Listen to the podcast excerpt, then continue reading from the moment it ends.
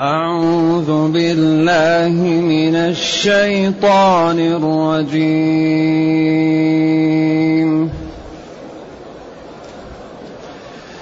بسم الله الرحمن الرحيم.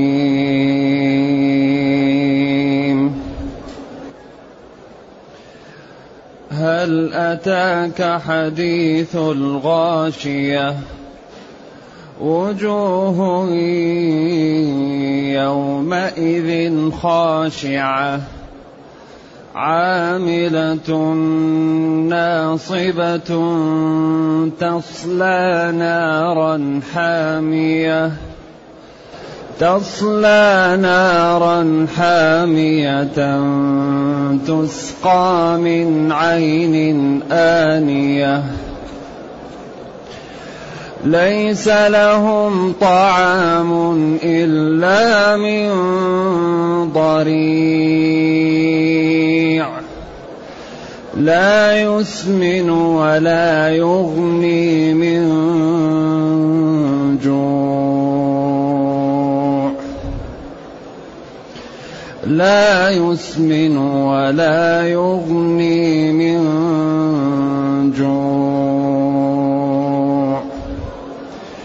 وجوه يومئذ ناعمة لسعيها راضية لسعيها راضية في جنة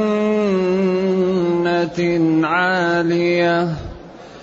في جنة عالية لا تسمع فيها لاغية.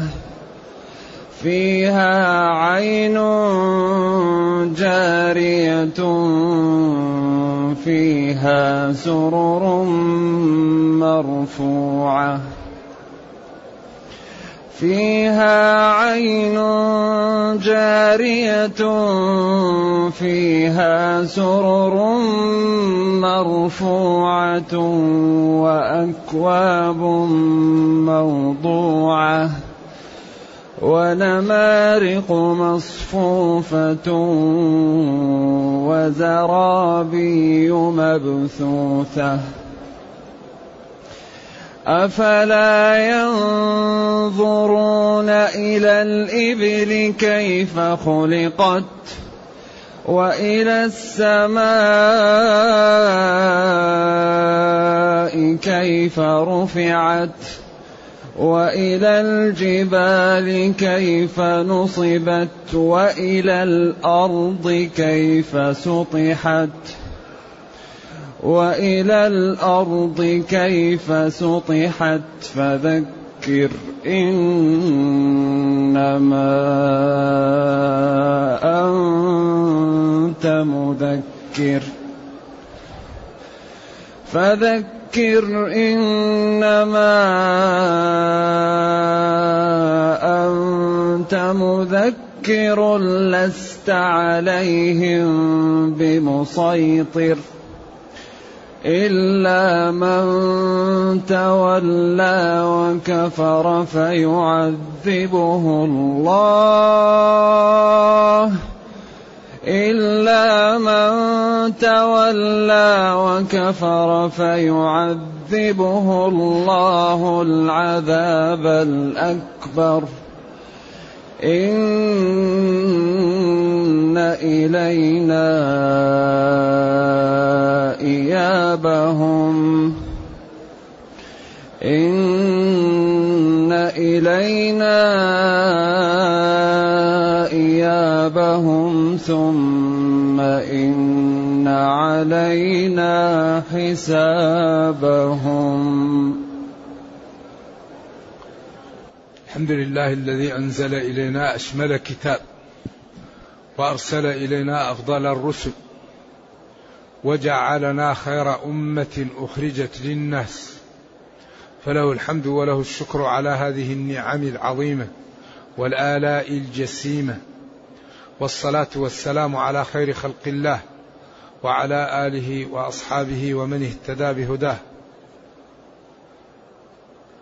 أما بعد فإن الله تعالى يبين في هذه السورة المكية وهي الغاشية. بدأها باستفهام بالتصديق. هل أتاك؟ البسملة تقدمت. هل حرف استفهام مشترك يدخل على الأسماء وعلى الأفعال؟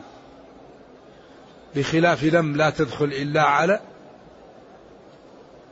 الأفعال ومن لا تدخل إلا على الأسماء. وهل حرف مشترك؟ هل أتاك حديث الغاشية؟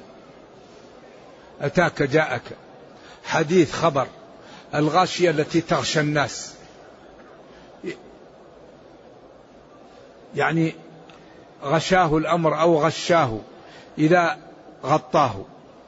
إذ يغشيكم النعاس يغطيكم. والغاشية هي القيامة من أسمائها. لذلك يقال هذا يتناسى فيها الوصية فتكون كأنها اسم. الغاشية والحاقة والآزفة. هذا يجعل الوصف كأنه ينقل عن الوصية إلى الاسم. هل جاءك يا نبي حديث خبر الغاشية خبر القيامة؟ لأن هذا الخلق خلق ليجاز في القيامة ليكرم الكريم ليهان اللئيم. هل استفهام للتصديق؟ لأن التصديق هو التصور الرابع. لأن إفراد مفردين تصورا. ودرك النسبة تصديق. وقيل التصديق هو التصور الرابع. هل أتاك؟ حديث الغاشية. تتصور المجيء. وتتصور الغاشية. وتتصور هل جاءه الخبر أو لم يأتيه. ثم تتصور أنه جاءه أو هو النسبة يعني على أن التصديق هو التصور الرابع أو هو الحكم. طيب هذه الغاشية حديثها ما هو؟ هل أتاك جاءك حديث حديث الأمر خبره وواقعه و و وحاله. حديث الركب أخبار وجوه. هل أتاك حديث الغاشية؟ وجوه يومئذ خاشعة عاملة ناصبة تصلى نارا حامية. كل هذه أخبار بعد ستة أخبار. وجوه جمع وجه والوجه يطلق على الذات. وجوه يومئذ تأتي الغاشية. خاشعة ذليلة خائفة مطمئنة. لا حراك بها ولا نظر ولا كلام. عاملة يعني متعبة. ناصبة يعني متكلفة للمشاق. وهذا جزاء لأنها لم تعمل لربها. في الدنيا فبعثت وهي بهذا الوصف. يعني في غاية من التعب والمشقة وال... لما فيها من الحزن ولما فيها من الأعباء ولما تكلف من الأمور التي لا تستطيعها يقال يسجد ما يستطيع يسجد. ظهره يبقى مثل ليش؟ ما في فقرات لا ما يقدر يسجد. وإذا قال لهم اركعوا لا يركعون. هناك إذا أرادوا الركوع لا يستطيعون عياذا بالله. وجوه يومئذ يوم القيامة خاشعة أي ذليلة عاملة يعني مكلفة بالعمل ناصبة متعبة. بعدين تصلى نارا حامية. تصلى نارا حامية تدخل نار حامية. النار أصلا حامية لكن التعبير بحامية نار في منتهى الحرارة لأن النار لا تكون إلا حامية وقول النار حامية يعني حرارتها أكثر من غيرها. في نار حرها أكثر من غيرها. تسقى. هذه النفوس التي تدخل من عين آنية حارة منتهى الحرارة وصلت إلى آخر درجة في الحرارة.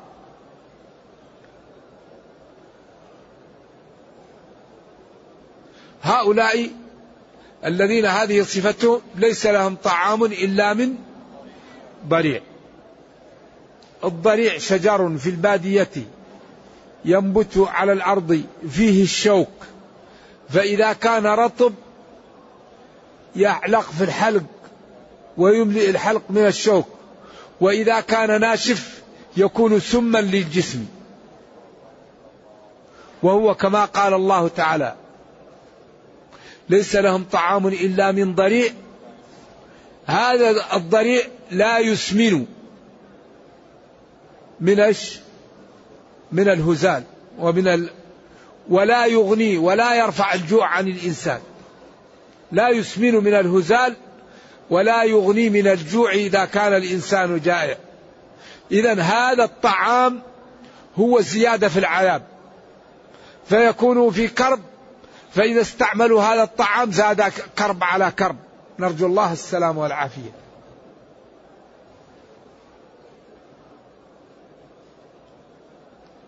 وهذا يا أحبة نقرأه ونفهمه ونحن في الدنيا هذه نعمة عظيمة. أننا فهمنا هذا حتى إيش؟ نتجنبه. إذا هؤلاء الكفار وجوه يومئذ خاشعة عاملة ناصبة تصلى نارا حامية تسقى من عين آنية ليس لهم طعام إلا من ضريع لا يسمن ولا يغني من جوع. إذا هذه الصفات الشريحة التي لم تبالي. ما يهمها. لا تخاف الله. لا تبر بوالديها. لا تكرم ضعاف المسلمين. لا ترحم جيرانها. ما له شغل. ليس في قلبه ما لا رأف للمسلمين. ليس في قلبه رحمة. ليس في قلبه رقة. لا يخاف من ربه ولا يخاف من عواقب السوء وما له شغل. ما يشتهي يفعله وما لا يرغب فيه لا يفعله. هذا هم الذين يكون هذه حالهم. يأتوا يوم القيامة ماذا؟ لأنهم في الدنيا ما حاسبوا ما خافوا ما عملوا ما سجدوا ما صاموا ما تصدقوا. تمتعوا لعبوا شبعوا شربوا نظروا تكلموا خاضوا. ما ما حاسبوا. ذلك أصول دخول جهنم أربعة أمور. كل شيء مبين في ديننا. أصول دخول جهنم. عدم الصلاة. عدم إطعام المسكين. الخوض مع الخائضين. التكذيب بيوم الدين. هذه الأربعة هي كبريات أسباب دخول النار. عكسها هو أسباب دخول الجنة. الصلاة مع الخشوع. الذين يتركون اللغو. الذين يعملون الزكاة. الذين يؤمنون. هذه كبريات أسباب دخول الجنة. إذا ثم بين لما أنهى الشريحة الفاسدة. قال وجوه يومئذ ناعمة. شوف هناك انظر شوف وجوه يومئذ خاشعة. الخشوع هو الذل والهوان ووجه صاحبه لا بد أن تلازمه القترة والكآبة والنشوف لأن الذي يكون عياذا بالله حزين ومتعب يكون وجهه عليه ظلال عليه قتر. عليه كلح عليه كفهرار وجوه يومئذ ناعمة أي فيها النضارة فيها جمال التقى فيها آثار طاعة الله فيها آثار السجود فيها آثار الوضوء فيها آثار الصدقة فيها آثار الإيمان. يبقى في وجه الإنسان يجملوا زي ما يعملوا الآن المراهم. المراهم اللي يحط على الوجه يلمع. هذه مرهم التقى. أجمل مرهم مرهم التقى. إذا الإنسان امتلأ قلبه من التقى يكون على وجهه مرهم التقى. يتلألأ وجهه. يستنير. تراه إذا رأيته تحب أن تنظر إليه لما فيه من البهاء ومن الحسن ومن الجمال لتقوى الله تعالى. ناعمة. يعني الوجه الناعم هو الذي يظهر عليه يعني النضارة والجمال والبريق والحسن لأن صاحبه مليء بالفرح ومليء بالإيمان ومليء ب ب ب ب ب بالإكرام يعني امتلئ بالإكرام فظهر ذلك على وجهه لسعيها أيوة لعملها التي عملت راضية بجزائه أعطيت حتى قالت كفاني. لسعيها التي سعت في الدنيا وأعطي لها وأعطي لها جزاؤه راضية بذلك راضية بنتائج عملها في الدنيا. لما نالت من الكرامة ولما نالت من الخير. بعدين قال في جنة عالية. جنة عالية. والجنة إذا كانت في مكان مرتفع مع جداول الماء. ومع الأشجار والثمار مع المكان المرتفع يكون لها جمال على جمال. أصلا الحدائق جميلة وإذا كانت في محل مرتفع يكون ذلك جمال على جمال. جنة ولذلك قال أيود أحدكم أن تكون له جنة من ربوة. يعني يقول في الربوة لأن إذا كانت في الربوة تكون أجمل. في جنة عالية. لا تسمع فيها. لاغية لا تسمع فيها لاغية. لا يسمع فيها لاغية. كلها قراءات سبعية صحيحة. لا تسمع فيها أنت يا صاحب الجنة لاغية. أو لا تسمع وحذف الفاعل للعلم به لاغية. أو يكون للغيبة لا يسمع فيها لاغية. وكل قرأ بها من السبعة هذه القراءات. نعم. لاغية كلام لا فائدة فيه. أهل الجنة لا يسمعون في الجنة لغوا ولا تأثيم لكن يسمعون سلاما وكلاما طيبا وحديثا شيقا وأنسا. أما الكلام الذي لا ينبغي لا يوجد في الجنة. ورحمة بالعباد إذا دخلوا الجنة ينزع ما في صدورهم من غل. واحد كان له صديق فكان يغضب عليه قال ونزعنا ما في صدورهم من غل. إخوان لأن هذا يكمل السرور ويأتي بالنعيم والبهجة لأن القلب إذا كان فيه غل صاحبه يكون تمتعه ناقصا وخشوعه ناقصا. ولذلك الغل عياذا بالله يسبب لصاحبه الآثام وعدم الراحة. ولذلك قال تعالى ربنا لا تجعل في قلوبنا غلا للذين آمنوا. ما هو بيد الإنسان. لذلك المسلم يحاول لا يكون في قلبه الغل. ما الذي يزيل الغل؟ أولا العفو عن الناس والدعاء لها. لأنك إذا عفوت عن إخوانك ربك كريم فيبدل ما في قلبك من الألم فرح. ويزول عنك ذكر الناس لأنك لا تسبهم ولا تشتمهم فالشيطان يتركك. فإذا دعوت لهم وسامحتهم زال ما في قلبك. لأن الدعاء لهم يجعل الشيطان لا يذكرك بهم حتى لا تدعو لهم. والمسامحة الله يعوضك عنها بالفرح وبالانشراح ذلك من أكبر أسباب السعادة أن الإنسان لا يكون في قلبه غل لأحد من ظلمك فسامحه وادعو له. لكن هذا صعب. واحد يظلمك وأنت تدعو له. لكن إذا عرفت أن الذي يتقي والذي الله يعوضه ومن سامح الله يسامحه ومن نفس عن مسلم كربة نفس الله عنه كربة من كرب يوم القيامة ومن ستر على مسلم ستره الله. فمن عرف هذا وتنازل وعمل هذا الله يسعده في الدنيا ويرحمه في الأخرى. ولكن صعب هذا. لا يمكن يعمله إلا من جاهد نفسه جاهدها. والذين جاهدوا فينا لنهدينهم سبلا. ما يمكن يسلم لهذا إلا من جاهد نفسه وأصبحت همته كبيرة.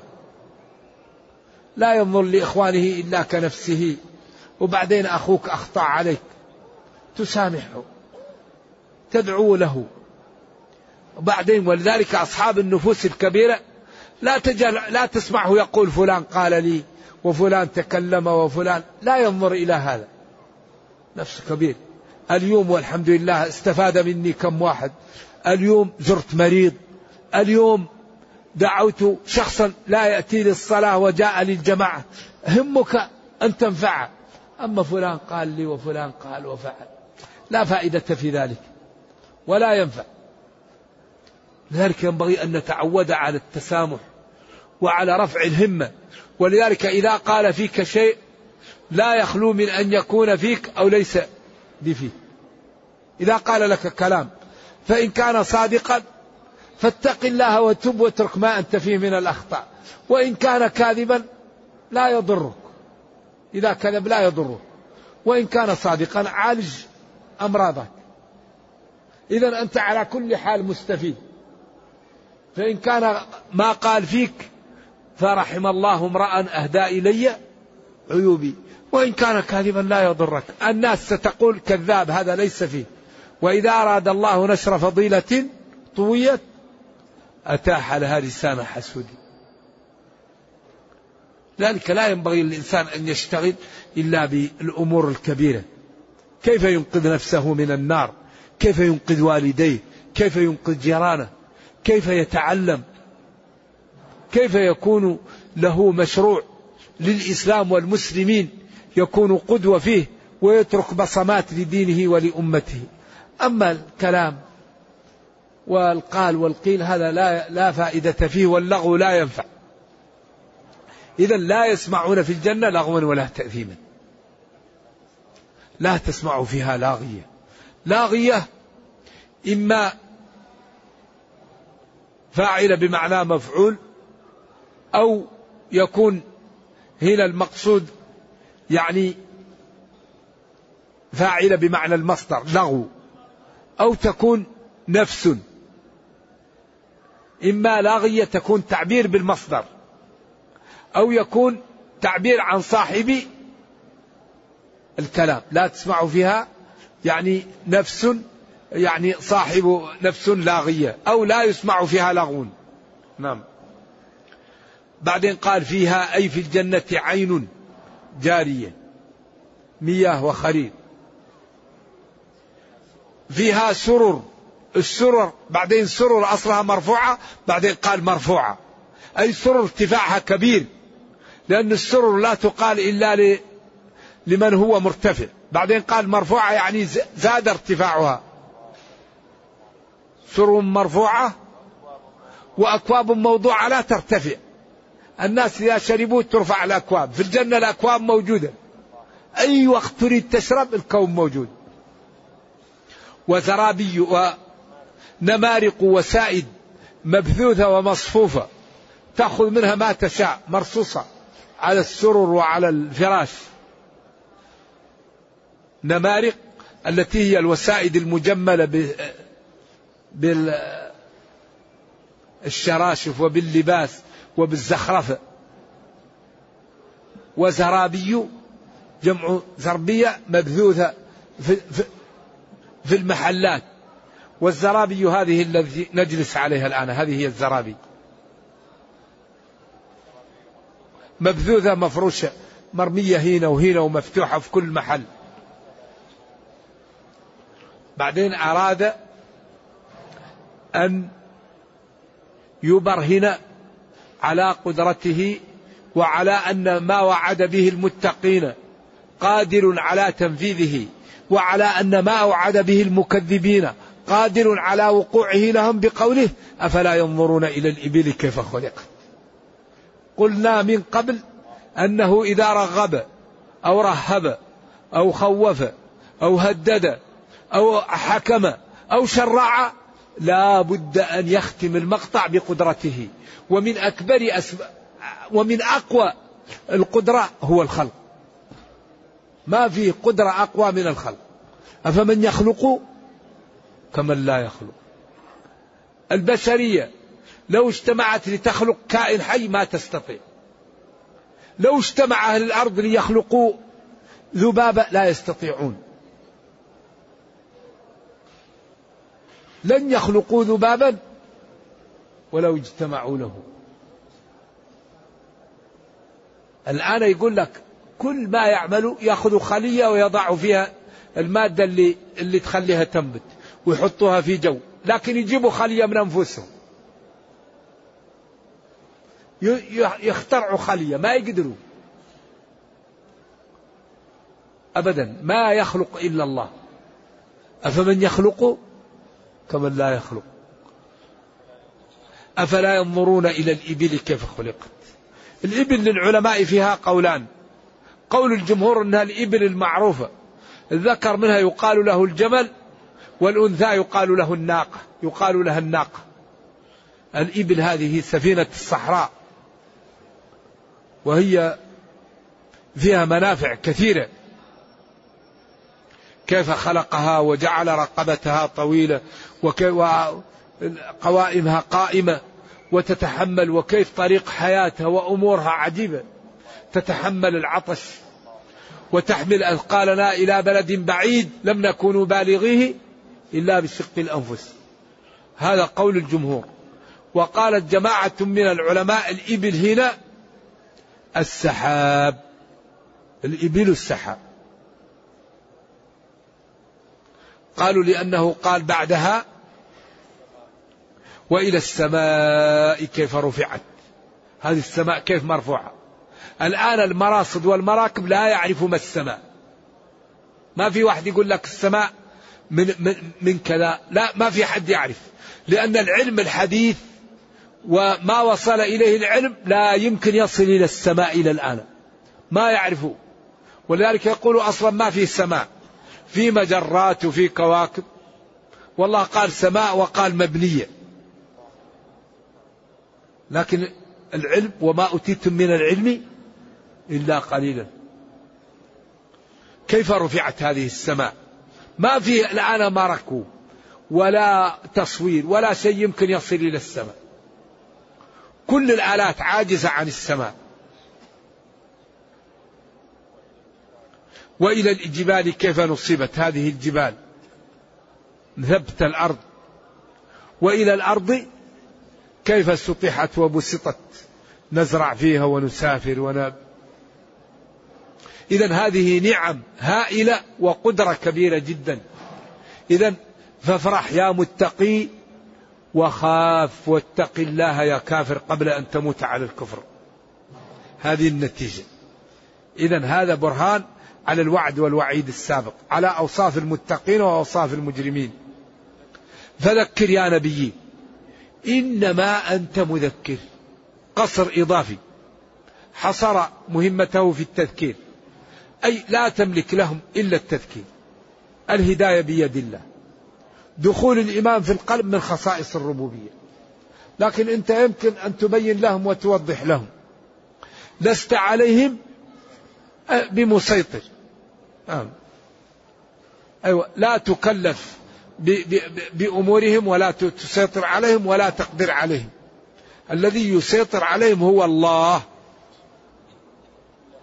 لكن من تولى وكفر ولم يقبل شرعك فإن الله جل وعلا يعذبه العذاب الأكبر يوم القيامة. قال العذاب الأكبر. العذاب الأكبر يعني العذاب الكبير العظيم الذي لا مثيل له. وعبر عن العذاب بالأكبر لأن في عذاب في الدنيا أصغر وفي عذاب للعصاة أقل من عذاب هذا النوع عياذا بالله. ثم عاد إلى أول السورة. إن إلينا إيابهم. هل أتاك حديث الغاشية؟ إن إلينا إيابهم. رجوعهم من القبور إلينا لنجازي كل واحد بعمله. إن إلينا إيابهم.